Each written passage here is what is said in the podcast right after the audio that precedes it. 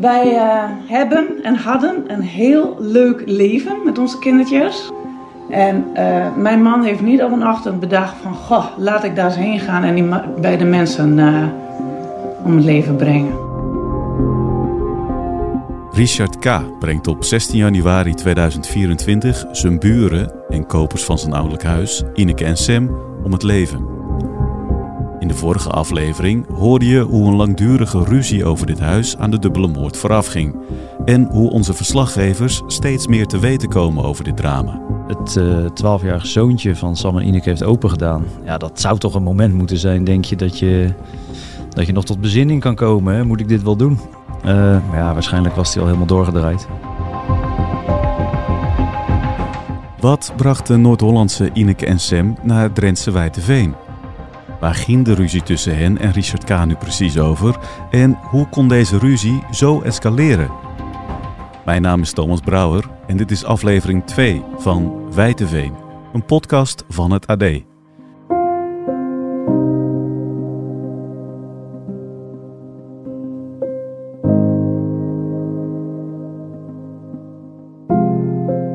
Begin vorig jaar verhuizen Ineke en Sam van het Noord-Hollandse Velzen naar Wijteveen in Drenthe. Daar hebben ze een droomhuis gevonden met genoeg ruimte voor hun geliefde paarden. Verslaggever Raymond Boeren reist na de gebeurtenis regelmatig naar Drenthe. Kort na de schietpartij spreekt hij daar met buurtbewoners die hun mening over Ineke en Sam niet onder stoelen of banken steken. Er was al uh, wat, wat irritatie, wat ongenoegen bij heel veel bewoners uh, over Westerlingen die daar de huizen opkopen. De huizenprijzen zijn daar gewoon een stuk goedkoper. Uh, dit huis wat Sam en Ineke hadden gekocht, kostte, daar hebben ze 7,5 ton voor betaald. Als je daar waar ze vandaan komen, Velzen, een huis voor wil uitzoeken, dan zit je gewoon in een rijtjeshuis. Hier hadden ze een, een groot vrijstaand huis met een lap grond.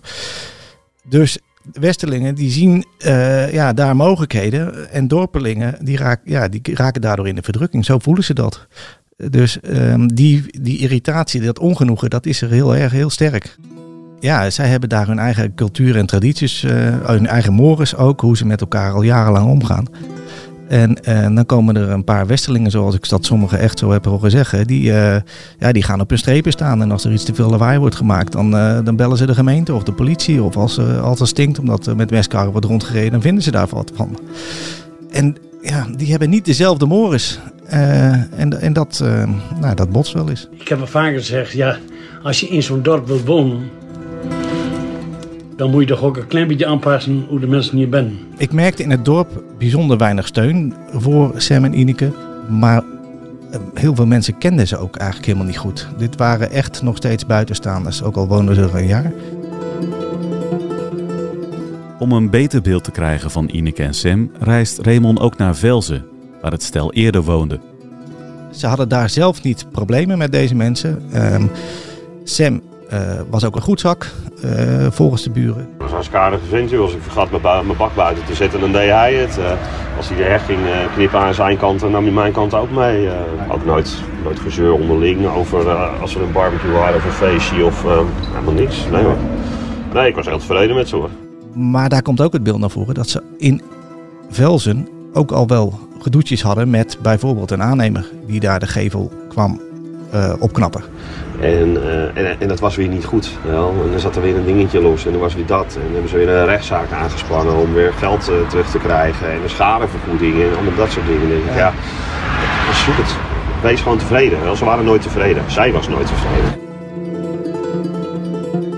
Die buren beschrijven ook, vooral Ineke was degene die uh, overal een probleem van maakte. Dat, dat, uh, dit was niet alleen deze aannemer waar ze uh, verhalen van kenden. Ze hebben ook een keer een bakfiets volgens die buren besteld. Uh, en die is ook wel drie keer teruggegaan omdat daar iets niet goed mee was. Een van die buurmannen had nog WhatsApp-contact ook met, met Sam. En toen hij te horen kreeg dat er bij het nieuwe huis in Wijtenveen gebreken waren, toen hebben ze daar nog grappen over gemaakt. Nou, ga je weer een rechtszaak beginnen. Ik zit er weer goed in, toch? De advocaat is kind aan huis bij jullie, denk ik. Uh, want ze gingen de ene rechtszaak naar de andere. Ik denk, ja, stop er toch eens mee. Maar hij is aannemer, hij kan alles zelf. Zo her herinneren ze deze mensen.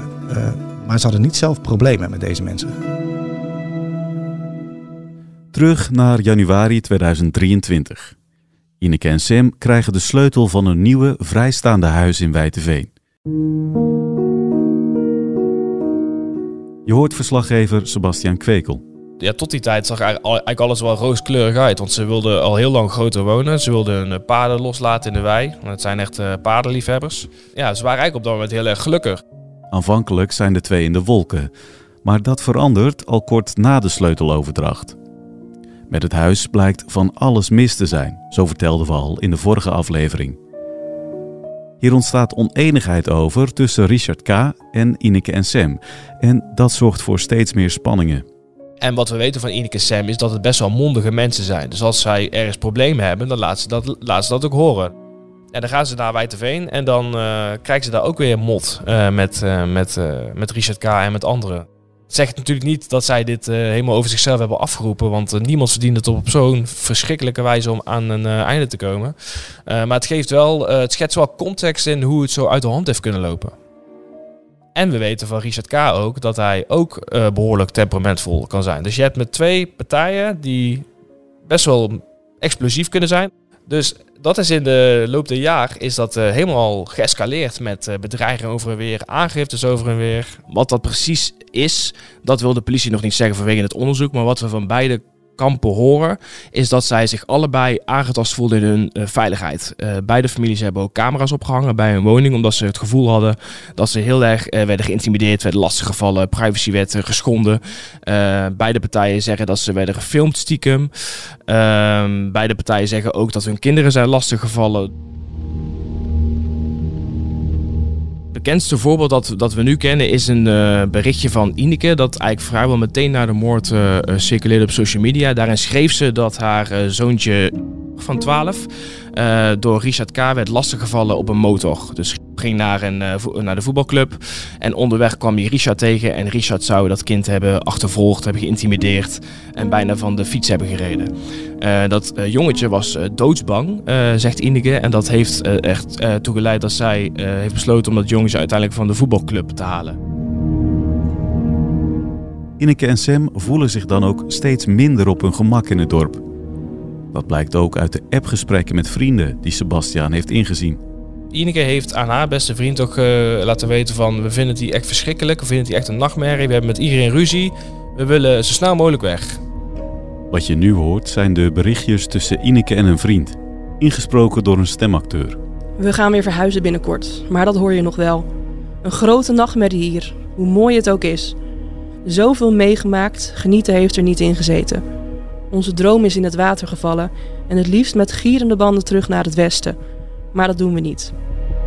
De laatste dagen voor de moord lopen de spanningen tussen de twee partijen steeds verder op. Ingrid en uh, Richard K. zouden voor de deur hebben staan filmen en hebben staan schreeuwen dat zij de Belastingdienst op uh, Sam en Ineke zouden afsturen. Uh, Richard K. had connecties binnen de fiscus, dus dat zou het allemaal makkelijker maken. En Sam had echt van alles te vrezen. Nou, dat liep helemaal uit de hand. Sam die stormde naar buiten en die ging de confrontatie aan met Richard K. Hoe die confrontatie echt is gegaan is moeilijk te achterhalen. Ineke en Sam leven niet meer en Richard K. zit vast. Daarom gaan we langs bij Ingrid, de vrouw van Richard K.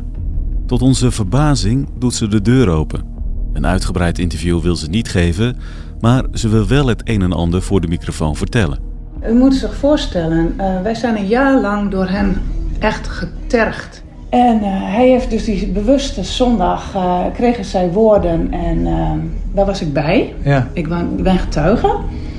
En hij heeft Richard nou, flinke kopstoten gegeven, drie stuks. En hij had er helemaal zo'n ei voor het hoofd. En dat verhaal strookt dus eigenlijk helemaal niet met wat uh, Ineke zegt. Want Ineke zegt juist van, uh, toen de politie kwam, toen uh, liet Richard zich heel overdreven vallen. Waardoor het leek alsof Sam had, had aangevallen. Zo horen eigenlijk twee totaal verschillende lezingen.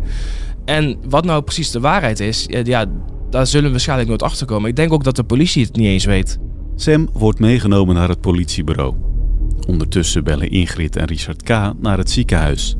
K. heeft een aantal jaar geleden een herseninfarct gehad en daarom laat hij zijn hoofd voor de zekerheid door een arts controleren. ze hebben hem daar een poosje gehouden en toen zakt het gelukkig een beetje af naar beneden. Hij, hij heeft die klap gehad uh, die nacht. Hè? Die, En uh, de volgende dag uh, was hij heel naar.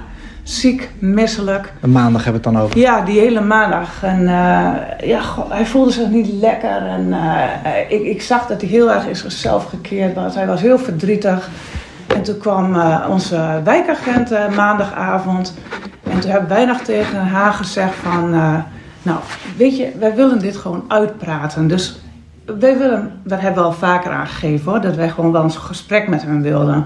Wij, willen geen ruzie. Helemaal niet. Zij kwam hier om te vertellen dat die man weer vrijgelaten was.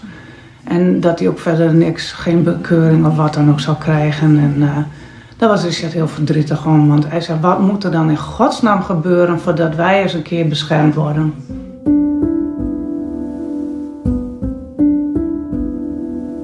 Nou, dat is echt ontzettend hard aangekomen bij Richard. Hij is ontzettend verdrietig en aangeslagen geweest. En waarom word ik niet beschermd? Uh, wanneer, wat moet er in vredesnaam gebeuren voordat uh, mensen het voor mij opnemen? Heeft hij letterlijk tegen zijn vrouw gezegd. En um, dat is een heel uh, cruciaal detail hier, wat ik hier nu vertel. Want waarschijnlijk is dit dus de trigger geweest van waarom het dinsdag zo uit de hand liep. Maandag was dat gesprek met die wijkagent. Die wijkagent heeft gezegd tegen Richard: Ik kan niks voor je betekenen op dit moment. En uh, vervolgens, een ochtend daarna, is Richard met die vuurwapens naar die woning gegaan. Dus in die nacht is er waarschijnlijk iets geknapt bij Richard. Uh, echt een veiligheidsgevoel wordt aangetast. Ik moet nu voor mijn gezin opkomen. En toen is hij dus tot deze daad overgegaan. De dagen na de dubbele moord wordt steeds meer duidelijk over wat er precies die bewuste dag is gebeurd. Je hoort verslaggever Victor Schildkamp. Richard is uh, die dag uh, naar het huis gegaan van Sam en Ineke. Zijn eigen ouderlijk huis dus. En hij heeft eerst uh, buiten um, de, voor zover we dan weten, maar daar heeft het alle schijn van, de, de Ineke dus klem gereden. Op een paar honderd meter van het huis af. Ja, hij heeft daar gewoon geliquideerd eigenlijk, doodgeschoten in de auto. En daarna is hij naar het huis gelopen en daar heeft hij aangebeld. Daar deed het zoontje open van uh, Sam en Ineke, 12-jarige jongen. Ja, dat zou normaal gesproken toch een moment nog kunnen zijn waarop je tot bezinning komt. Hè? Want uh, ja, die gaat dat dan meemaken, de moord.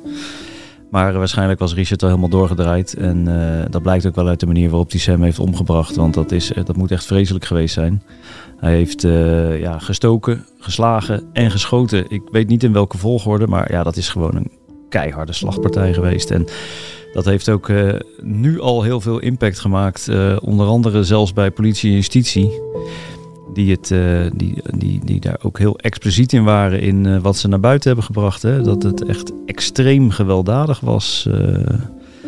Ook mensen rond het onderzoek die gewoon zeggen: Ik heb eigenlijk nog nooit zoiets meegemaakt. Ja, nou ja, ik probeer me er maar geen voorstelling van te maken. Maar waar ik, wat ik echt heel ja, luguber vind, is dat ook dat jongetje dat dan nog gezien heeft waarschijnlijk. Uh, we weten daar natuurlijk niet de details van, maar als die open deed, ja, hij zal niet meteen weg... Ja, nou, ik zou bijna hopen dat hij meteen is weggerend, maar anders heeft hij het misschien nog meegekregen ook. Uh, hij is een van de getuigen, zoals het OM heeft gezegd. Ja, dat is uh, horror. Opvallend is dat het OM de details over de moorden zelf naar buiten brengt. Politie en justitie hebben daar echt wel mee in de maag gezeten, van dit gaat de verkeerde kant op. Er wordt hier iemand een held die iets afgrijzelijks heeft gedaan. Het is best opmerkelijk, vind ik, dat ze zo expliciet zeggen dat een van de getuigen hun 12-jarige zoon was. En, dat, en dat, dat ze ook zo benoemen dat het zo extreem gewelddadig was. Ik bedoel, in, in principe hoeft dat niet. Het kantelde gewoon. Wij moesten iets. Wij moesten iets doen om, ja, om, die, om die merkwaardige verering, heldenstatus die er voor Richard aan het ontstaan was, om dat tegen te gaan. OM heeft daar wel echt, daar hebben ze echt over vergaderd in die eerste dagen. Van hoe gaan we dit, hoe gaan we hier, hoe gaan we dit een beetje kantelen? Want dit, dit, dit slaat nergens op. K was lid van een schietclub en als jager beschikte hij over een wapenverlof. Maar later blijkt dat hij voor de wapens waarmee hij het echtpaar heeft doodgeschoten helemaal geen vergunning had. En dan denk je, hoe kan dat dan? Als iemand aangifte komt doen te tegen iemand met een wapen, dan komt er in het systeem gewoon een signaal. Jongens, dit is iemand die heeft een wapen. En bij stressvolle omstandigheden moet je gewoon die wapens ophalen. Dat hoor je in de volgende aflevering. Wijteveen is een podcast van het AD en wordt gemaakt door Sebastiaan Kwekel, Victor Schildkamp, Raymond Boeren, David Lambert en door mij, Thomas Brouwer. Meer over het drama in Wijteveen vind je via ad.nl slash Wijteveen. Wil je de volgende aflevering niet missen? Abonneer je dan Dat kan via Spotify of Apple Podcast.